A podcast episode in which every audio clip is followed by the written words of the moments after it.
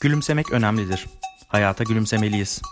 Gülümsemek, hatta gülümseyecek bir şeyimiz olmasa bile yüz kaslarımıza gülümsermişçesine şekil vermek moralimizin yükselmesine neden oluyor. Bunu ben söylemiyorum. Bilim insanları söylüyor.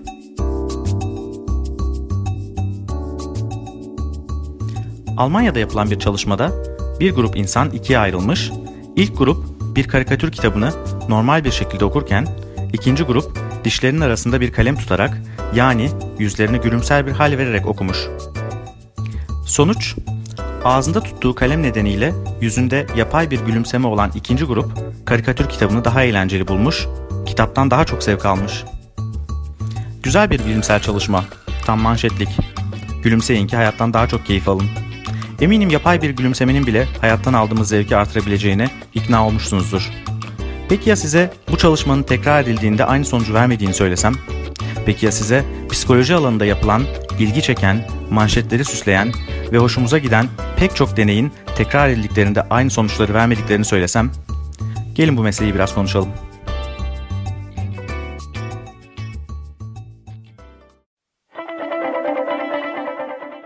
Her hafta yeni konular, yeni konuklarla sinir bilim üzerine sohbetler.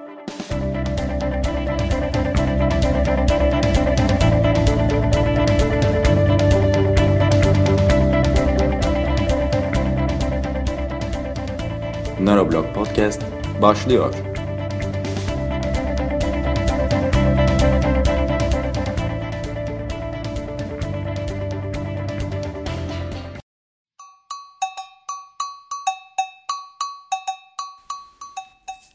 Psikoloji diğer bilimlerden biraz farklı bir alan. Dünyanın neresinde olursanız olun bir elmayı havaya bıraktığınızda elmanın yere düşeceğini bilirsiniz. Elma yere düşer çünkü yer çekimi vardır ve elmayı çekmektedir. Oysa psikolojinin çalışma alanı insan ve bu meseleyi epey karmaşıklaştırıyor. Yapılan bir deney bir diğerini tutmayabiliyor, bir deney tekrarlandığında her defasında aynı sonuçları vermiyor, elma hep yere düşmüyor. İngilizcesiyle Replication Crisis, Türkçesiyle tekrarlanabilirlik krizi denen durumu doktora sonrası çalışmalarına Brüksel Özgür Üniversitesi'nde devam eden Doktor Ceylan Özdem ile konuşacağız. Ben Onur Arpat, Nöroblog Podcast'e hoş geldiniz. Ceylan merhaba. Merhabalar Onur. Merhaba herkese. Lisans eğitimimi Bilkent Üniversitesi'nde psikoloji bölümünde yaptım. Sonra e, sinir, sinir bilişsel psikoloji alanında Almanya'da yüksek lisansımı tamamladım. Ve en sonda e, 6 ay öncesine kadar Brüksel'de Özgür Brüksel Üniversitesi'nden doktorumu aldım. Sosyal psikoloji ve sosyal sinir bilişsel psikoloji alanında. Replikasyon ya da Türkçesiyle tekrarlanabilirlik nedir? Replikasyon dediğimiz şey aslında tekrarlanabilirlik demek. Yani eğer siz bir makaleyi aldığınızda bu makaledeki aynı çalışmayı aynı analiz, aynı metotla yaptığınızda aynı sonuca ulaşabilmeniz demek. Ve bir testin en önemli özelliklerinden biri de bu. Aynı deneyi anlatıldığı gibi makalede metottaki anlatıldığı gibi yapıldığında ve aynı analizi yaptığımızda aynı sonuca varabilmemiz mantığı. Bir başka deneyden örnek verelim. Genç üniversite öğrencileri iki gruba ayrılır ve her iki gruba da gazetelerden bildiğimiz çapraz bulmacalardan verilir. Birinci grubun bulmacasındaki yanıtlar rastgele herhangi kelimelerken ikinci grubun bulmacasındaki yanıtlar ise yavaş, hasta, emekli, bitkin vesaire gibi yaşlılar ve yaşlılıkla ilgili kelimelerin yoğunlukta bulunduğu yanıtlardır. Genç üniversite öğrencilerinin davranışları deneyden önce ve sonra izlenir. Yaşlılıkla ilgili kelimelerin yoğunlukla geçtiği bulmacayı çözen gençlerin hareketlerinin deneyden sonra yavaşladığı gözlenir. İlginç değil mi?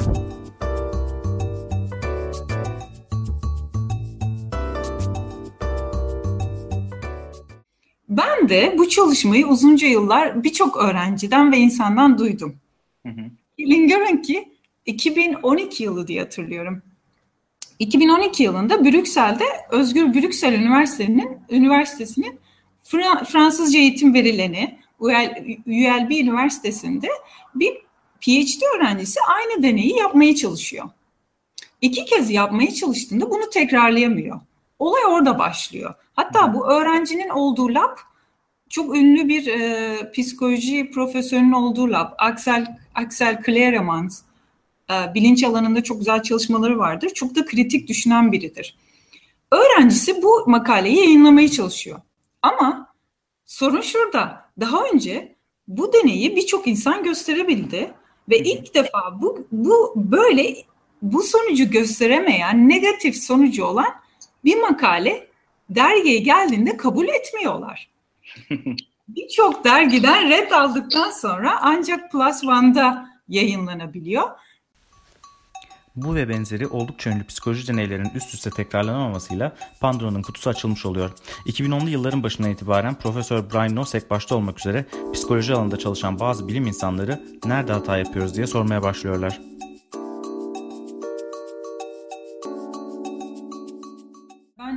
Yanlış hatırlamıyorsam 2013 ya da 2014 yılı bu iki yıllardan birinde e, Brian Nosek'le bir Brüksel'de bir konferansta tanışma fırsatı buldum. O zaman bu fikrini anlattığında birçok kişi karşı çıktı ya da yani bu çok olası değil, çok idealist e, destekleyenler oldu ama çok da karşı çıkan olmuştu onu hatırlıyorum. Ve e, kendisi neyse ki devam ettirdi ki 2015 yılında yaklaşık 100 bilim adamı bir araya gelip 270 tane çalışmayı tekrarlamaya çalıştılar. E, rakamlar tam tersi zaman... bu arada. 100 çalışma 270 bilim insanı. Pardon tam tam tersi. Evet. Ben de disleksi. disleksi.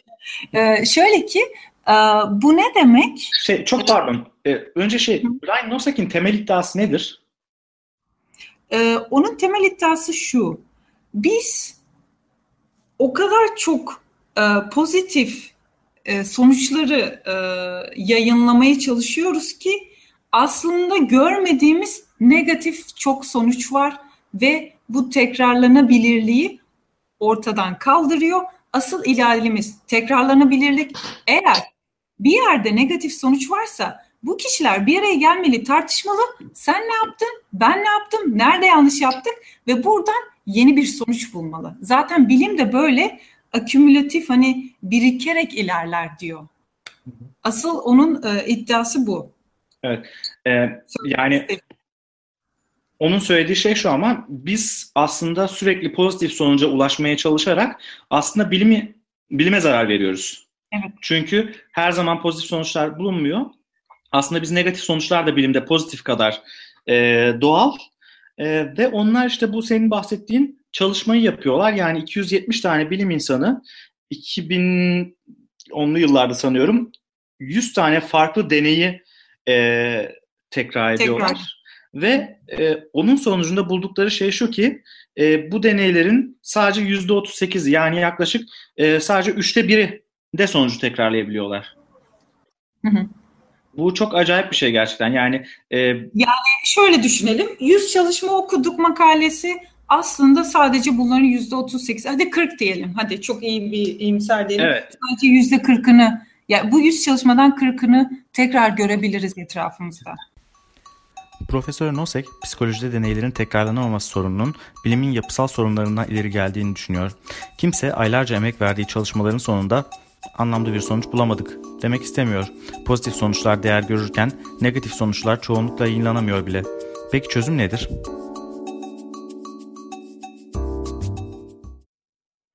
Bu kadar karamsar olmayalım bir noktada. Hani her şey çöpe gitmesin. Evet. Ee, ama ben e, ben Brian Nosek'e katılıyorum şu açıdan. Çünkü kendisinin dediği şey bu değil. Ben ilk duyduğumda şey diye düşünmüştüm. Hani o şöyle diyecek. Her şey çöpe gitsin.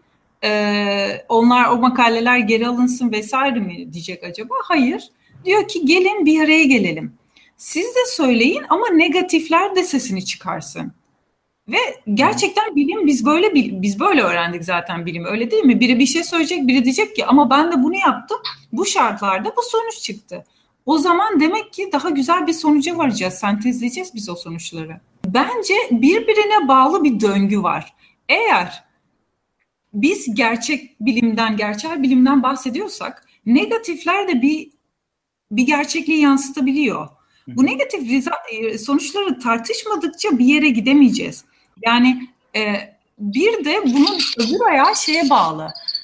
Kim ne kadar çok bağırıyorsa, kim ne kadar çok büyük cümleler kuruyorsa o daha çok çabuk yayına e, yayına kabul ediliyor veya medyatik boyutu oluyor ve oradan da diyelim ki makalesi daha çok e, citation alıyor, atıfta bulunuluyor. Yani ben burada bu krizi e, bilimin bir parçası olarak görüyor muyum? Evet, kesinlikle görüyorum. Ama ya tekrarlanamaması kötü bir şey değil demiyorum. Kesinlikle demiyorum. Eğer e, yani şöyle bir örnek vereyim. Diyelim ki e, otistik çocukların robotlarla çalışması insanlardan çalışmasından daha iyidir. Diyelim ki böyle bir e, sonuca vardık. Eğer biz bunu sürekli bir çalışmada bulduk ve çok büyük bir cümle söyledik. Otistikler sonuç olarak şunu, medyatik boyutunda şunu söyleyecek. Otistik çocuklar artık hocalarla değil, sadece robotlarla çalışsın. Evet, çok büyük laf değil mi? Yani acayip hit getirecek bir başlık mesela. Yani otistik evet. çocuklara robotlarla eğitim. Kesinlikle böyle çalışmalar da var bu arada ama işin medyaya yansıdığı boyutu ve bundan sonra o lablara gelecek bütçeler, oradan çıkacak sonuçlar belki de 10 yıl 20 yıl buna bağlı zincirleme kazalar yap, yaptıracak. Eğer sonuçlar sadece bir labda çıkıyorsa, diğer lablar bunu gösteremiyorsa belki de gerçekten o labda e, bu deney düzeninde bir şey vardı ki belki robotun arkasında güzel bir kedi fotoğrafı vardı. Çocuklar onu sevdi. evet. Kim bilir? Ya yani belki şöyle... bu detayları bilmiyoruz. Evet bu da şöyle bir noktaya geliyor yani. Hani e, şey vardır ya ek sözlüğün meşhur e, şeyidir, başlığıdır. E, kadınların efendi adam yerine piç tercih tercihi falan diye. Yani efendi efendi bilimini yapan, işte e, bir şekilde şey yapan hani e, sonuçlarını çıkaran ve negatif çıkaran bir takım lablar e, sonuçları negatif çıktığı için doğru düzgün bilim yaptıkları halde e, para alamıyorlar, işte şey bulamıyorlar, e, de, araştırmalarını devam ettirmek için e, yeterli kaynak bulamazken bir takım medyatiklik peşinde koşan ve aslında sonuçları pek de tekrar edilemeyebilen e, çok da böyle düzgün bilim yapmayan ya da belki p-hacking yapan, belki başka bir şekilde e, başka yollardan e, çalışmalarını medyatikleştiren başka ekipler e, dünya kadar para bulmaya başlıyorlar. E, bu da e, esasında çok bilimin hani genel gidişatı açısından çok kötü bir şey. Çok kötü ve bence toplumu etkilediğimiz bir nokta da var. Biz topluma şu mesajı veriyoruz bir noktada. Bakın biz size e, ben bunu bir boşluğu da olduğunu gösteriyor. Yani biz karmaşık çıkan haberleri ya da bulguları size anlatamıyoruz ey halkım demek bu. Hı hı, evet. Biz size nasıl sonuçları anlatabiliyoruz halkımıza? Biz size e, öyle bir sonuç, öyle bir deduction yapalım ki indirgeme hemen hatırlayın. Çünkü biz sizin kafanızı çalıştırmanızı istemiyoruz demek. Yani şöyle bir örnek vereceğim, daha iyi açıklamış olurum. Ee, bilim haberli bilim haberleri e, yapmaya çalışıyordum bir ara NTV için ve e, bir makale e, yayınlanmıştı o zaman Amerika'daki web sitelerinde. Haberde şu: rüyalarınızdan rüyalarınızdan bilincinizi okuyabileceğiz gibi bir şeydi. Hı hı. Ve ben o makaleye gittim.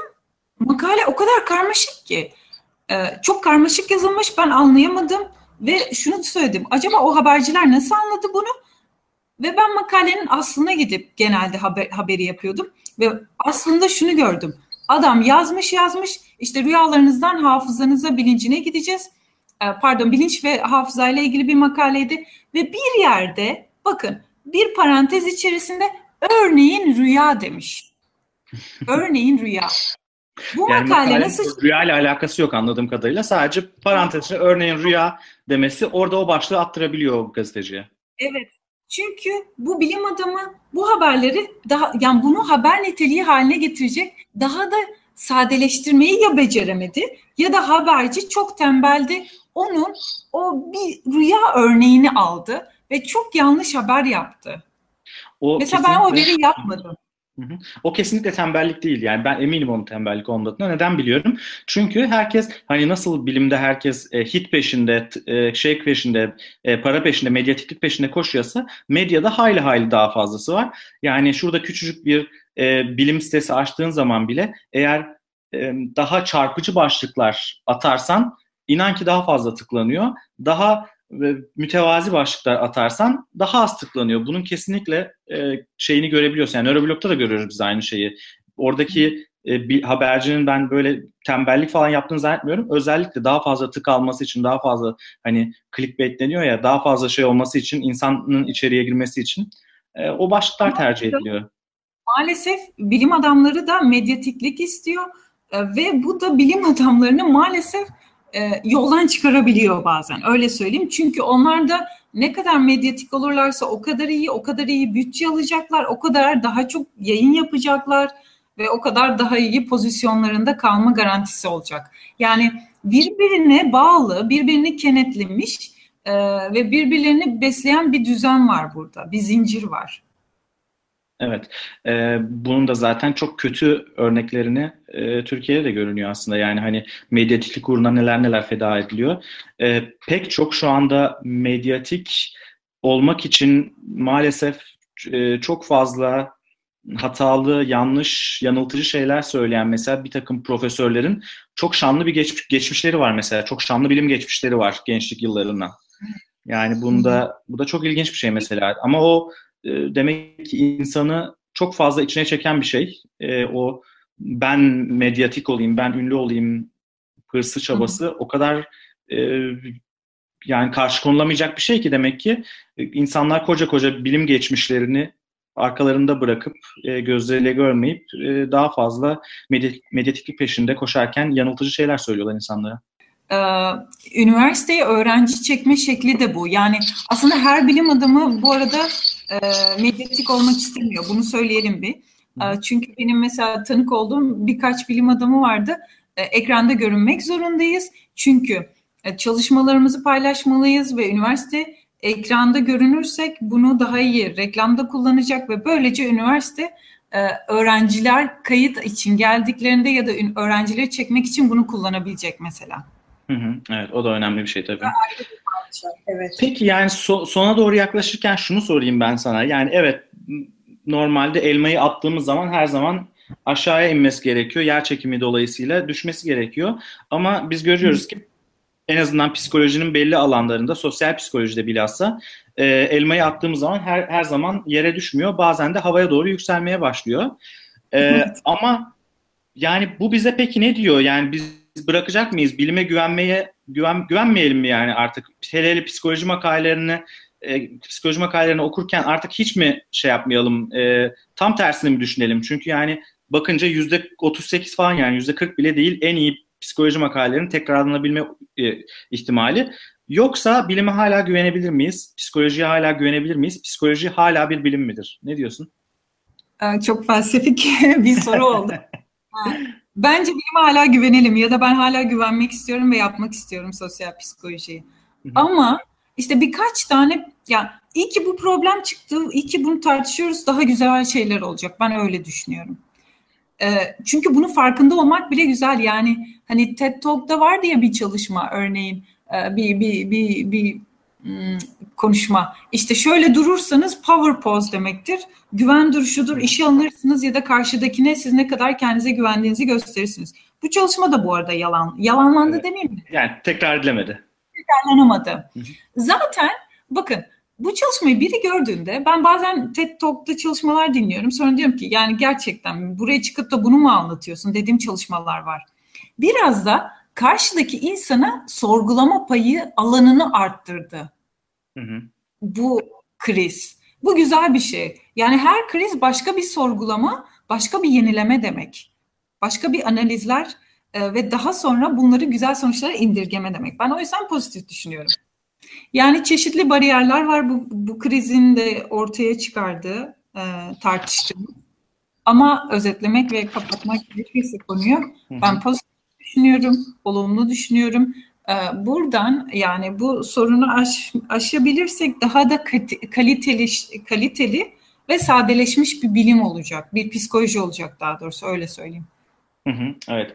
Yani e, bitirirken de şunu söyleyelim en azından. E, psikoloji için de aynı şey geçerli. Bilimin e, bilim için de aynı şey geçerli. Evet bilim yanılabilir. Bilimde yanlış e, şeyler olabilir.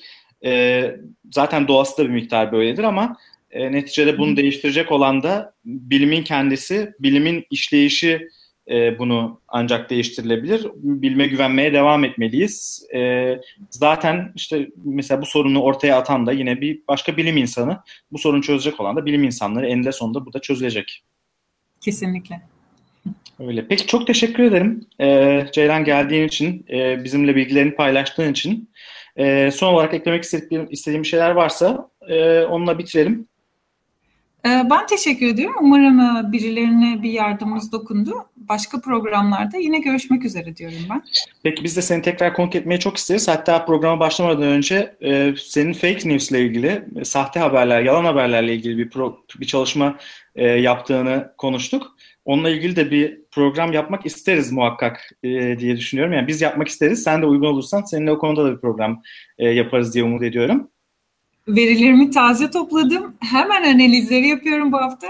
En kısa sürede ben de paylaşmayı çok isterim. Süper. O zaman analizlerini bekliyoruz. Analizlerini aldıktan sonra, e, yaptıktan sonra seninle fake news üzerine, sahte haberler üzerine de bir program yapalım. E, çünkü o da bizim algımızı epey değiştiren şeylerden bir tanesi ve çok tartışılan şeylerden bir tanesi. Peki çok teşekkürler tekrar. Ben teşekkür ediyorum. Görüşmek üzere. Neuroblog Podcast'i neuroblog.net internet adresimiz üzerinden dinleyebileceğiniz gibi iOS kullanıcısıysanız iTunes, Android kullanıcısıysanız Stitcher Radio ya da Podcast Addict programlarından yayınımıza abone olabilirsiniz. Neuroblog Twitter'da ve Facebook'ta da yayında. Abone olun, paylaşımlarımızı kaçırmayın. Dinlediğiniz için teşekkürler. Bir sonraki bölümde görüşmek üzere.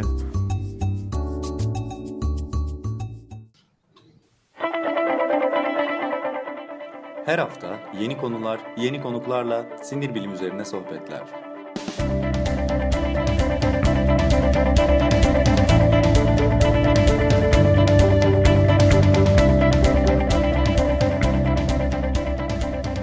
Neuroblog Podcast sona erdi.